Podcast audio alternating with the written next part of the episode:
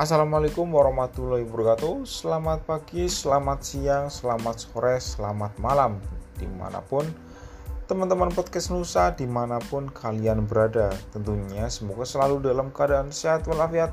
Amin ya rabbal alamin. Kali ini podcast Nusa kembali dengan membahas topik-topik yang tidak aktual banget sih tapi perlu teman-teman ketahui mengenai penyelesaian sengketa. Penyelesaian sengketa kali ini yaitu penyelesaian sengketa melalui prinsip-prinsip syariah. Mungkin teman-teman juga pernah mendengar penyelesaian sengketa pembiayaan berdasarkan prinsip syariah. Yaitu apa lebih sesuai dengan arbitrase muamalah ataupun dengan pengadilan negeri. Lembaga kategorisasi muamalah seperti apa yang sesuai dengan prinsip syariah? Kita simak dengarkan terus podcast Nusa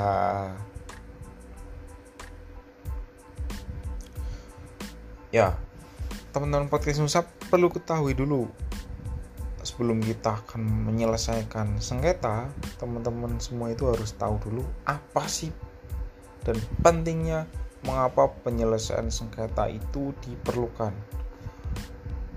Meskipun dalam transaksi keuangan syariah diharapkan tidak akan muncul yang namanya masalah, namun dalam praktiknya permasalahan yang sering timbul sehingga dibutuhkan penyelesaian sengketa dalam berbagai problematika yang teman-teman semua harapkan tidak mengalami tapi apabila mengalami diperlukan suatu antisipasi atas kemungkinan terjadinya sengketa. Sengketa karena hubungan prestasi misalnya, yang sangat sering terjadi akibat nasabah gagal membayar atau tidak memenuhi kewajibannya dalam dalam menunaikan utangnya itu. Dan juga karena terjadinya akad, akta atau perjanjian yang dibuat dan ditandai ternyata di kemudian hari mengandung kelemahan. Sebab lain misalnya dan juga karena pihak lembaga keuangan syariah tidak memenuhi ketentuan dan perjanjian, misalnya terkait pencairan pembiayaan atau eksekusi jaminan. Singkatnya, dari berbagai permasalahan tersebut dapat memicu terjadinya sengketa. Untuk itu, bentuk penyelesaian sengketa sangat diperlukan, misalnya dituliskan klausa penyelesaian sengketa. Jadi dalam perjanjian atau akad syariah, tentunya ada penyelesaian yang pertama yaitu yang sangat diperlukan yaitu dituliskannya klausa penyelesaian sengketa. Inti dari klausa itu adalah jika terjadi sengketa atas akad yang dibuat, para pihak itu membawa ke lembaga penyelesaian sengketa yang disepakati dan dijamin litigasinya. Dalam hal ini, saya tadi sudah menyebutkan bahwa yang namanya penyelesaian sengketa itu ada dua jalur, ada dua bentuk yaitu pertama bentuk litigasi yaitu melalui pengadilan dan non litigasi di luar pengadilan agama. Pertama saya akan membahas mengenai pengadilan agama atau litigasi. Pengadilan agama bagi yang belum tahu ya tentunya teman-teman pengadilan agama bertugas dan berwenang memeriksa, memutus dan menyelesaikan perkara di tingkat pertama antara orang-orang yang beragama Islam bertugas dan berwenang memeriksa, memutus, dan menyelesaikan perkara di tingkat pertama. Di tingkat pertama itu teman-teman yaitu di bidang perkawinan, waris, wasiat, hibah, wakaf, zakat, infak, sodako, dan ekonomi syariah. Sini yang dimaksud dengan ekonomi syariah adalah kegiatan usaha menurut prinsip syariah yang meliputi salah satunya yaitu pembiayaan syariah. Di sini teman-teman semua pasti mendapatkan yang pertama mendapatkan pelayanan perkawinan, waris, wasiat hibah dan wakaf. Wakaf dan perkawinan serta waris ini biasanya juga terdapat pelayanan di kantor urusan agama. Jadi yang di dalam uh, pengadilan agama ini yang namanya pengadilan berarti kita adanya suatu permasalahan atau aduan yang diajukan kepada pengadilan agama yang statusnya pada tingkat pertama. Kemudian yang kedua ada non litigasi yaitu meliputi melalui lembaga di luar pengadilan yang paling populer adalah Badan Arbitrase Syariah Nasional atau Basyarnas. Namun tidak menutup kemungkinan bisa diselesaikan juga melalui lembaga alternatif penyelesaian sengketa dan penyelesaian sengketa konsumen. Seperti yang saya katakan tadi pada awal kata, pada awal kita pertemuan tadi, pertama kita bahas dari kedua metode penyelesaian sengketa di atas masing-masing tentunya memiliki kelebihan dan kekurangan.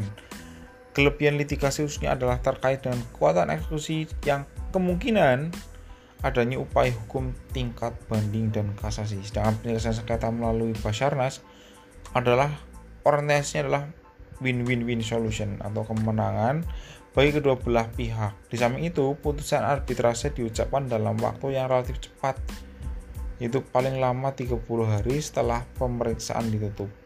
Lebih lanjut, para pihak berhak menentukan pilihan hukum yang berlaku, sehingga arbitrase ini bisa biasa disebut dengan the law of parties. Ialah penyelesaian sengketa dengan hukum sesuai dengan kehendak kedua belah pihak. Sementara kelemahannya penyelesaian litigasi memerlukan waktu lama dan biaya yang tidak sedikit Sedangkan Basarnas memiliki kekurangan berupa tidak adanya upaya hukum banding, kasasi atau peninjauan kembali karena mempunyai kekuatan hukum tetap dan mengikat para pihak. Namun putusan arbitrase dapat dibatalkan oleh pengadilan agama. Basarnas juga tidak berwenang melakukan eksekusi putusan, melainkan dilakukan oleh pengadilan agama. Jadi kekurangan dari Basarnas itu tidak memiliki upaya hukum banding, kasasi atau peninjauan kembali dan kembali muaranya itu putusannya melalui pengadilan agama. Kelemahan administrasi lainnya adalah bahwa upaya untuk dapat diselesaikan dengan administrasi hanya jika para pihak rela dan bersedia untuk datang bersama dan mempercayakan lembaga administrasi untuk menyelesaikannya. Terus mungkin muncul lagi di, di uh, pemikiran teman-teman arbitrasi syariah itu apakah lebih tepat hmm. Jika kita merujuk pada pasal 55 ayat 2 dan 3 Undang-Undang 21 tahun 2008 tentang perbankan syariah disebutkan bahwa dalam para pihak telah memperjanjikan penyelesaian sengketa selain sebagaimana dimaksud dalam pasal 1. Penyelesaian sengketa dilakukan sesuai dengan isi akad pada pasal 3 menyatakan bahwa penyelesaian sengketa sebagaimana dimaksud pada ayat 2 tidak boleh bertentangan dengan prinsip syariah. Karena berdasarkan perbankan syariah, tentunya penyelesaiannya pun harus berdasarkan prinsip syariah. Prinsip syariah yang dimaksud di atas adalah prinsip hukum Islam dalam kegiatan perbankan berdasarkan fatwa yang dikeluarkan oleh lembaga yang memiliki kewenangan dalam menetapkan fatwa di bidang syariah. Dari bunyi pasal di atas dan penjelasan-penjelasan sebelum dapat dipahami Basarnas lebih memiliki fleksibel ya, fleksibilitas terutama dalam hal hukum yang berlaku. Sehingga dalam penyelesaian sengketa dapat merujuk sebagai ketentuan hukum meskipun hal itu belum menjadi hukum positif. Karena Basar, Basarnas itu hukum Islam ya tapi dengan catatan tidak boleh bertentangan dengan prinsip syariah lain halnya dengan litigasi pengadilan agama yang dapat memutuskan berdasarkan peraturan perundang-undangan yang berlaku. Itu ada Undang-Undang Nomor 7 Tahun 92 tentang perubahan sebagaimana diubah dengan Undang-Undang Nomor 10 Tahun 98 tentang perubahan atas Undang-Undang Nomor 7 Tahun 92. Hmm, praktek aja ya dan juga ada Undang-Undang Nomor 21 Tahun 2008 tentang perbankan syariah dan yang terakhir peraturan Bank Indonesia, peraturan otoritas jasa keuangan dan berbagai peraturan-peraturan undang-undang yang berlaku. Di samping itu juga, arbitrase merupakan salah satu cara penyelesaian sengketa yang dianjurkan dalam hukum Islam atau biasanya itu dikenal dengan tahkim. Dasar aturan terkait anjuran untuk melakukan penyelesaian sengketa dengan arbitrasi adalah pada surat An-Nisa ayat 35. itu dan jika kamu khawatirkan ada persengketaan antar keduanya maka kirimlah seorang hakam dari keluarga laki-laki dan seorang hakam dari keluarga perempuan jika kedua hakam itu bermaksud mengadakan perbaikan saya Allah memberi taufik kepada suami istri Sungguh Allah maha mengetahui lahi maha mengenal dengan demikian, terdapat dua metode penyelesaian sengketa perubahan syariah atau pembiayaan syariah itu melalui metode litigasi dan non litigasi salah satunya arbitrase syariah. Terima kasih teman-teman semua yang telah mendengarkan podcast Nusa, podcastnya anak masa. Selanjutnya ada episode yang lebih menarik lagi daripada episode hari ini. Tentunya dengan modernisasi dan bersifat edukatif bagi halayak atau civil society.